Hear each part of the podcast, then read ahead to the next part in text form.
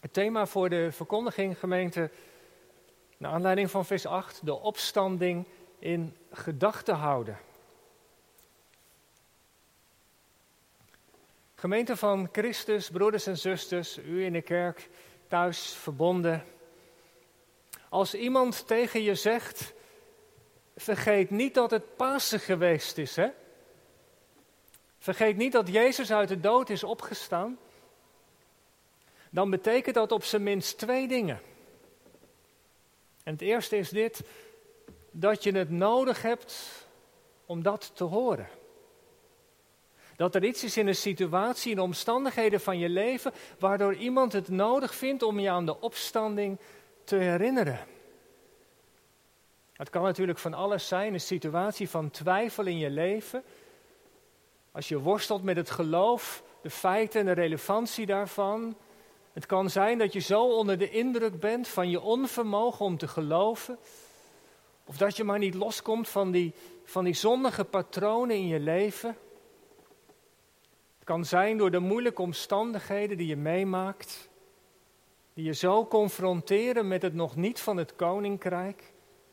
Met gebrokenheid en beperkingen. Misschien verkeer je wel in een sfeer waar heel veel van je vrienden, collega's niet geloven. En, en je merkt al gaandeweg dat je meer in je schulp kruipt. En iemand merkt dat en zegt: Gerrit, let op. Vergeet niet, het is Pasen geweest. Jezus leeft. Dat heeft dan in de eerste plaats te maken dat iemand de aanleiding voelt met de omstandigheden waarin je kunt bevinden. En het tweede betekent ook, als iemand dat tegen je zegt, daar zit een suggestie in, dat de opstanding van de Heer Jezus uit de dood een ander licht werpt op je leven, op de omstandigheden, een ander perspectief. Doordat God in de opstanding heeft laten zien dat Hij machtig is, dat Jezus is opgestaan, dan betekent dat dus wat voor je dagelijkse leven. Dat is daardoor, daar mag je op een andere manier naar kijken. Dat is relevant, blijkbaar. Vergeet niet, broeders en zusters, dat het Pasen is, dat de Heer Jezus leeft. Nou, we begrijpen allemaal wel dat als Paulus zoiets tegen Timotheus zegt, dat er dan een reden voor moet zijn. Vers 8, Timotheus, houd in gedachten, vergeet niet, breng je in herinnering dat Jezus Christus uit de doden is opgewekt. En als je de brieven van Paulus aan zijn jonge collega Timotheus, aan zijn geestelijke zoon, is wel doorbladert, dan zie je dat Paulus dat best wel vaak doet. Gelijk aan hoofdstuk 1, ik herinner je eraan, aan de charisma, de genadegave die je hebt ontvangen. Hoofdstuk 3, blijf bij wat je is geleerd.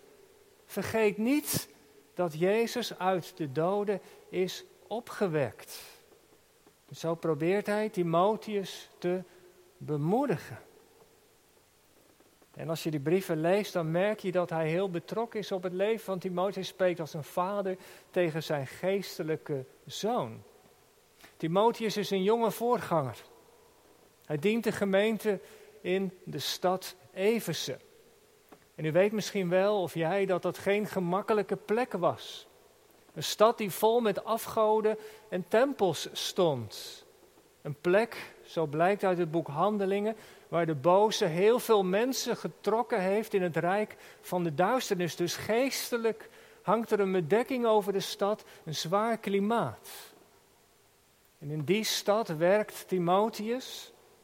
En heeft hij ook nog eens te maken met mensen die van huis uit uit de Joodse traditie komen.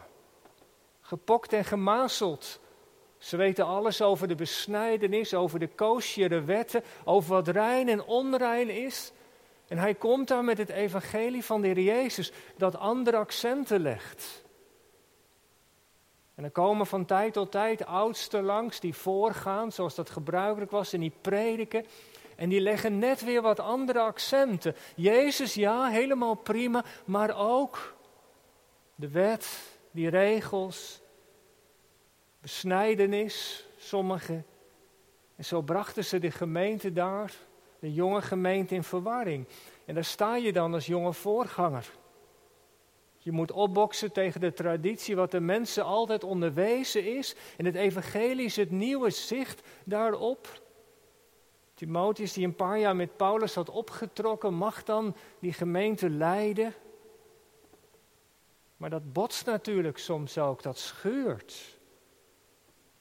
Als je altijd iets gehoord hebt over de afzondering met de heidenen, dat God de deur heeft opengezet in de Heer Jezus, dan, ja, dan, dan kost je dat zoveel moeite om dat ook echt te omarmen. Dan komt dat, die oude gedachtepatroon, die traditie komt weer op.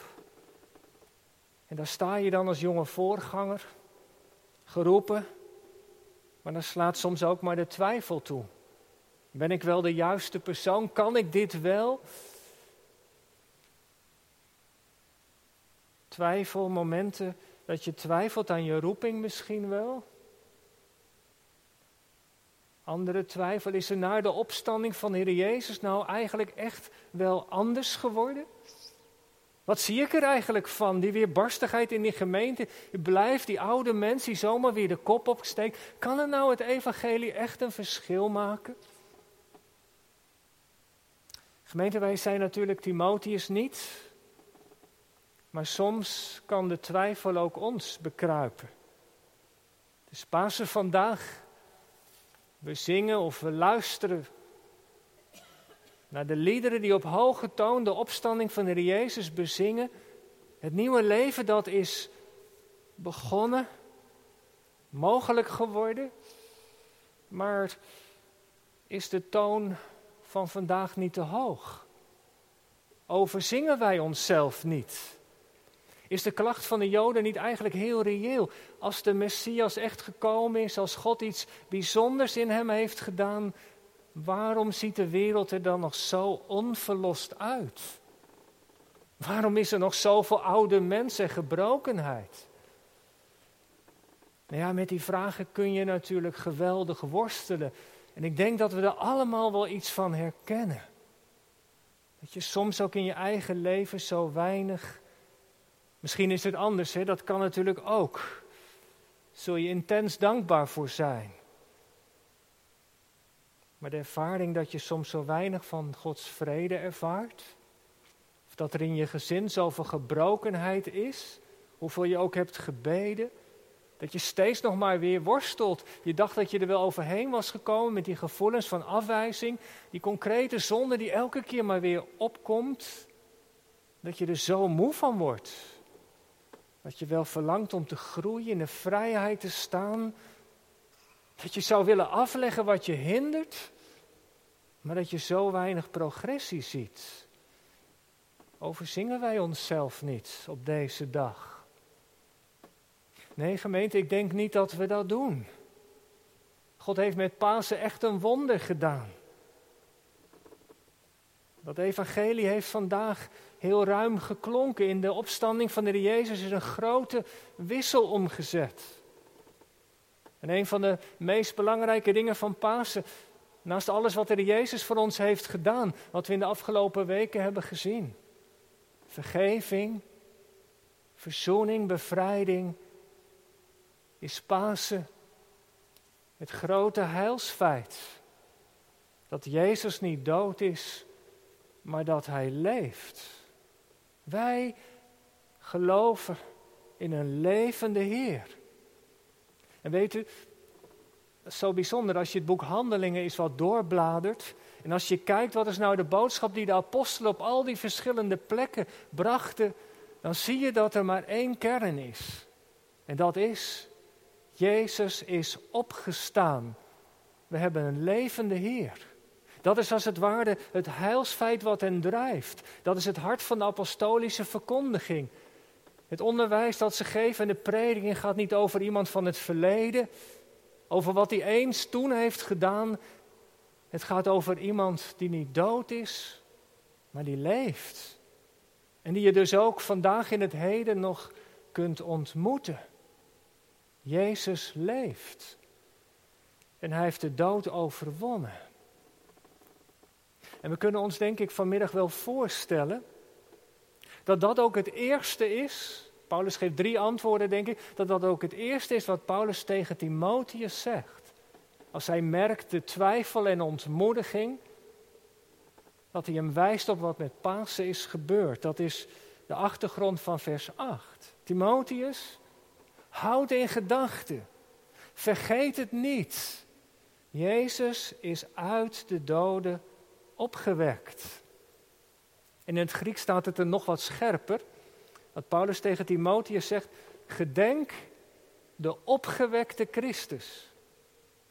En de Griekse werkwoordsvorm duidt op wat het resultaat is van de opstanding. En dat resultaat is, Jezus leeft. Timotheus, je hebt een Heer die leeft. En als iemand leeft, dan kan hij spreken, dan kan hij handelen, dan kan je met hem praten. Je hebt een Heer die na de opstanding je meer nabij is dan daarvoor. Nu is hij niet langer meer door zijn aardse lichaam beperkt, zoals de catechismus zegt. Maar nu is hij overal, door zijn geest aanwezig. Kan hij aanwezig zijn? Timotheus, je zit daar misschien alleen in je kamer. Maar de Jezus kan zomaar bij je binnenkomen. Je mag met hem spreken. Weet je niet wat hij heeft gezegd? Zie, ik ben met u alle dagen. Timotheus, zegt Paulus hem, je bent niet alleen. Jezus leeft. Je mag met hem spreken. Hij is erbij. En gemeente, ik dacht, dat is toch een geweldige troost. Dat onze zonde, die de aanleiding vormde voor het kruis, niet langer meer scheiding maakt tussen God en ons. Dat onze zonde ons niet langer meer kan verhinderen dat de Jezus ons opzoekt en nabij is. Pasen. Wat Timotheus moet leren en, en wij telkens met hem, is dat we als er niet alleen voor staat. Als die omstandigheden zo zwaar zijn, dan denk je dat vaak. Wie weet er van mij af? Ik sta er alleen voor. Nee, zegt Paulus. De Heer Jezus leeft, Hij is er. En dat wat je doet morgen, in je dagelijkse leven, in die ontmoetingen die je hebt, je mag Hem zomaar uitnodigen. Heer Jezus, komt u alstublieft in mijn huis. Ik en mijn huis, wij zullen de Heer dienen. Komt u alstublieft in deze situatie met mijn kinderen. Komt u alstublieft in deze situatie van gebrokenheid. Met uw vrede, met uw vergeving, met uw genezing. Met een oplossing van uw kant. Met wijsheid. En dat kan. Want Jezus is niet dood, maar hij is de levende. Hij heeft alle macht in hemel en op aarde. En dat herinnert Paulus, de jonge Timotheus. Het is Pasen geweest, we staan er niet alleen voor. En als je goed leest in deze hoofdstukken, dan zie je dat apostel Paulus zichzelf er ook bij insluit. Als hij in 1 vers 14 bijvoorbeeld zegt, Timotheus, bewaar door de Heilige Geest het goede pand dat u is toevertrouwd, dan zegt hij door de Heilige Geest die in ons woont. Als je wat Bijbelstudie wil doen, dan moet je maar eens goed opletten in die Timotheusbrieven dat Paulus in zijn aansporing heel vaak zichzelf er ook bij insluit. Dat is ook waar hij het van moet hebben, waar hij van leven mag. Pasen is Jezus leeft.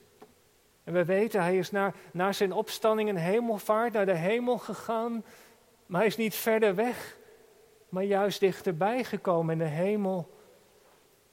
Dat is als de controlekamer van een schip. Daar gebeurt alles.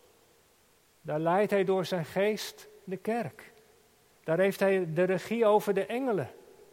Daar voert hij de strijd. Van daaruit voert hij de strijd met de machten van het kwaad. Daar leeft hij om voor ons te bidden.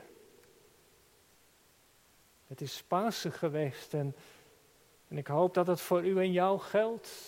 U die thuis kijkt, meeluistert. Dat wij door het geloof met deze heiland verbonden zijn. En dan mag je weten, in welke situatie ook, met de Heer Jezus ben ik niet alleen, ben ik altijd in de meerderheid. En ja, en dat is wat Timotheus nou moet leren. Daar in die stad Eversen. Niet dat hij steeds zegt: Heer, ziet u hoe grote problemen zijn die ik heb? Maar Paulus leert hem te zeggen: tegen die problemen, hoe groot de Heer is die hij dient. Houd in gedachten. Jezus is uit de doden opgewekt. Je dient een levende Heer. Als het eerste. En Paulus voegt er nog wat aan toe. En dat is dit, er blijft ook strijd, Timotheus. En Paulus is daar ook eerlijk over. In het Bijbelgedeelte, hoofdstuk 2, vers 1 tot en met 13, eh, spreekt de apostel daarover. Het navolgen, het dienen van de Heer Jezus is geen gemakkelijk avontuur. Strijd en inspanning, tegenslag en verdrukking horen erbij. En dan gebruikt hij drie beelden om dat duidelijk te maken. Beeld van een soldaat, een atleet en een boer. Hoofdstuk 2, begint vers 3, leidt de verdrukkingen. En dan heeft hij als eerste over de soldaat. De soldaat is opgeleid om te strijden. En als hij in het leger zit, dan dient hij de bevelhebber te gehoorzamen. Of hij het leuk vindt of niet, of het gevaarlijk is of niet, is maar één ding. En zo functioneert het leger. Wat de bevelhebber zegt, dat doe je. Zo is het in het geloof ook. Gehoorzaamheid in het koninkrijk van God is de sleutel waar alles om draait. En het tweede, de atleet. Vers 5. Een atleet is iemand die alles opzij zet voor de wedstrijd. Die gaat voor de overwinning. Maar om dat te kunnen doen moet hij zich inspannen, moet hij trainen, moet hij afzien, focussen. Dat hoort er allemaal bij, zegt Paulus. Ook in het geloof. En de boer, vers 6. Ja, hard werken vaak. Je tot het uiterste inspannen voor de dieren, voor de akkers, voor de opbrengst van de oog. Het komt je allemaal niet aanwaaien. Daar is inzet voor nodig, nachtwerk, je zorgen maken soms. Al die dingen tekenen het leven van de soldaat, de atleet en de boer. Inspanning, tegenslag, verdrukkingen. Dat is de manier waarop het leven hier op aarde zijn gang gaat. Helaas. Moeitevolle arbeid. Lang niet altijd worden de dingen je in dank afgenomen. Het gaat soms tegen je gevoel in. Misschien wel heel vaak. Maar dat is geen reden dat het een vergeefse missie zou zijn. Nee, Timotheus, dat moet je niet denken. Die strijd die hoort erbij.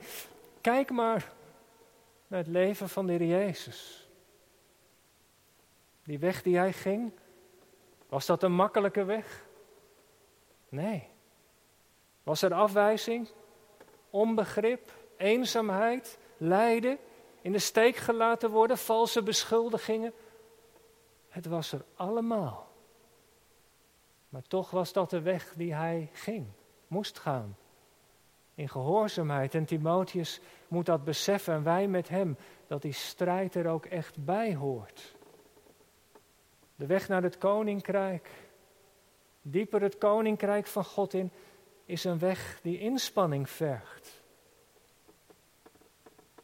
Maar ja, soms denk je wel eens, waarom zo moeilijk? Het is toch Pasen geweest Jezus leeft, hij heeft alle macht in hemel en op aarde. Het is voor hem toch heel eenvoudig om al die dingen waar we mee worstelen, in de kring van de gemeente, erbuiten, op je werk, in je persoonlijk leven, om daar in één keer wat aan te doen. Een gemeente, één ding vergeten we dan.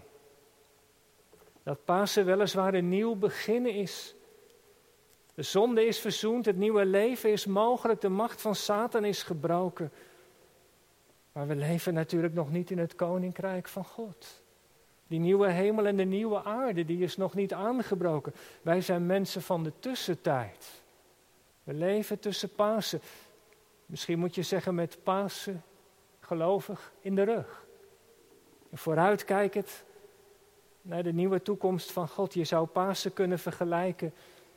Het beeld gaat misschien niet helemaal op, maar voor een deel toch wel als een bruggenhoofd. Even ik weet niet of u graag boeken leest over de oorlog. Tweede Wereldoorlog, de landing van de geallieerden in Normandië. Hevig verzet van de Duitsers, maar uiteindelijk lukt het ze om op het strand daar een bruggenhoofd te plaatsen. Een plek die ze bezet konden houden. Van waaruit ze de tegenbeweging konden aangaan.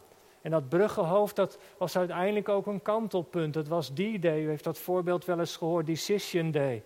Maar het duurde nog even voordat Victory Day kwam. Maar dat is de realiteit. Waar Paulus in zijn brieven over spreekt. Ik heb 1 Korinthe 15 er nog eens bijgepakt. Dat prachtige hoofdstuk over de opstanding en de betekenis daarvan. En dan schrijft de apostel in de versen 22, 23 en 24 en verder. Daar schrijft hij dit. Hij zegt, Christus is als eerste uit de dood opgewekt. Nu heerst hij als koning. Maar aan het einde van de tijd geeft hij dat koningschap weer terug aan zijn vader. En wanneer gebeurt dat? Dan zegt vers 24 dit. Als hij alle heerschappij en alle macht en kracht teniet heeft gedaan. Hij moet koning zijn totdat hij alle vijanden onder zijn voeten heeft gelegd. Tussen de opstanding van de Heer Jezus en zijn wederkomst, dat is de tijd dat de Heer Jezus bezig is, zegt Paulus, alle vijanden onder zijn voeten te werpen. De tijd tussen paas en wederkomst is een tijd van strijd. De Jezus is bezig vanuit de hemel om de vijandschap te overwinnen. Het kruis is het bruggenhoofd. Maar de overwinning is op aarde nog niet volledig doorgebroken. Nu is hij bezig met de verkondiging van het evangelie. Het gaat de wereld door. Door zijn geest Breng, wordt het evangelie onder alle volken verspreid. En de manier waarop het koninkrijk uitbreidt en de weerstand wordt overwonnen, is via de weg van het geloof. Als mensen de Jezus leren kennen, worden ze uit het rijk van de duisternis overgezet in het rijk van Gods geliefde zoon. Dat is de manier waarop Jezus bezig is, de strijd te strijden. Maar wij zijn mensen die leven in die tussentijd. Tussen het alreeds en het nog niet. En als je in de Jezus gelooft, dan ben je een soldaat in zijn leger. Dan ben je geroepen om te strijden. Dan zul je klappen oplopen, met vijandschap te maken hebben, met tegenwerking van mensen en van je eigen hart. Maar dat hoort erbij zegt Paulus tegen Timotheus, vergeet niet mijn zoon. Als een goede soldaat van de Heer Jezus zul je verdrukkingen lijden. Kijk nog maar even naar die soldaat, naar die atleet, naar die boer. Het was geen gemakkelijke weg, maar het is wel de weg die leidt naar de overwinning. Die leidt dichter naar de Heer Jezus toe. Houd in gedachten daarom dat Jezus uit de doden is opgewekt. Je dient een levende Heer. En Hij zal je sterken in de strijd die je hebt te voeren. Met je karakter, met je mensen, in je bediening, in je dagelijkse leven. Dat is het tweede antwoord van de apostel Paulus. En kijk nog even mee, ik leg nog even de vinger bij je derde. Noem ik als laatste. Denk erover na wat ik zeg, hè, vers 7. Laat de Heer u inzicht geven, maar Houd in gedachten. Blijf steeds dat in herinnering roepen, elke dag weer aan het begin van de dag. Jezus is opgewekt uit de doden. En dan voegt hij nog een zinnetje toe. Uit het nageslacht van David. Waarom benadrukt Paulus dat? Het nageslacht van David, dat zegt iets over de Heer Jezus, dat hij de Messias is. Zeker. Maar volgens mij denkt Paulus aan wat in het Oude Testament is beloofd. Weet u nog? Er zijn zoveel beloften over de Messias die zou komen, dat hij uit het nageslacht van David zou zijn. En laat dat nou net voor de Heer Jezus gelden. De verlosser komt uit het geslacht van David. En Paulus zegt als het ware tegen Timotheus: het feit dat de Heer Jezus is gekomen, dat is de vervulling van al die beloften. God heeft gedaan wat hij beloofd heeft. En ook dat is een belangrijk aspect. Als je in de strijd zit, dat je wordt herinnerd aan wat God heeft beloofd. Dat hij trouw is aan wat hij heeft beloofd. En er zijn zoveel beloften in de Bijbel die daarover gaan. En als de strijd hevig is, dan zegt Paulus, breng je dan de belofte van de Heer in herinnering. Roep mij aan in de dag van de benauwdheid. Heb je het benauwd? Roep mij aan. Ik zal je uitredden. Heb je wijsheid nodig voor die lastige situatie? Vraag het mij, ik geef het. Zonder verwijt. Wees niet bang voor de dag van morgen. Want ik zal er zijn. Want in de Heer Jezus zijn al Gods beloften. Ja en amen. En dat is het derde wat Paulus Timotheus voorhoudt. Dat je als gelovige mag leven, om zo te zeggen, met de belofte van God in je hand. Het is Pasen geweest. En al Gods beloften in Jezus zijn ja en amen. Jongens en meisjes, ik eindig met een voorbeeld. Ik las het ergens. Het gaat over de reformator Maarten Luther. Ik weet niet of je het weet, maar die heeft in zijn leven ook heel veel strijd ervaren. Twijfel, aanvechting. Over zijn geloof, over zijn zonde, over zijn verleden, over de belofte van God. En hij was soms zo somber dat hij het geloof helemaal kwijt was. En toen hij weer eens een keer geweldig in de put zat, misschien kent u het verhaaltje wel, deed zijn vrouw Keten het volgende. Ze schoof op een klaarlichte zonnige dag de gordijnen van de kamer helemaal dicht, zodat het donker werd binnen. Wat doe je nu, zegt Luther. God is dood, zei ze. Nee, zegt Luther, natuurlijk niet. Nou antwoordde ze hem, leef daar dan ook uit. Leef dan vanuit het besef dat je een levende Heer hebt. Ik dacht, dat is het. Houd dus in gedachten dat Jezus Christus uit de doden is opgewekt. Geloof het evangelie en leef eruit elke dag totdat Hij terugkomt. Amen.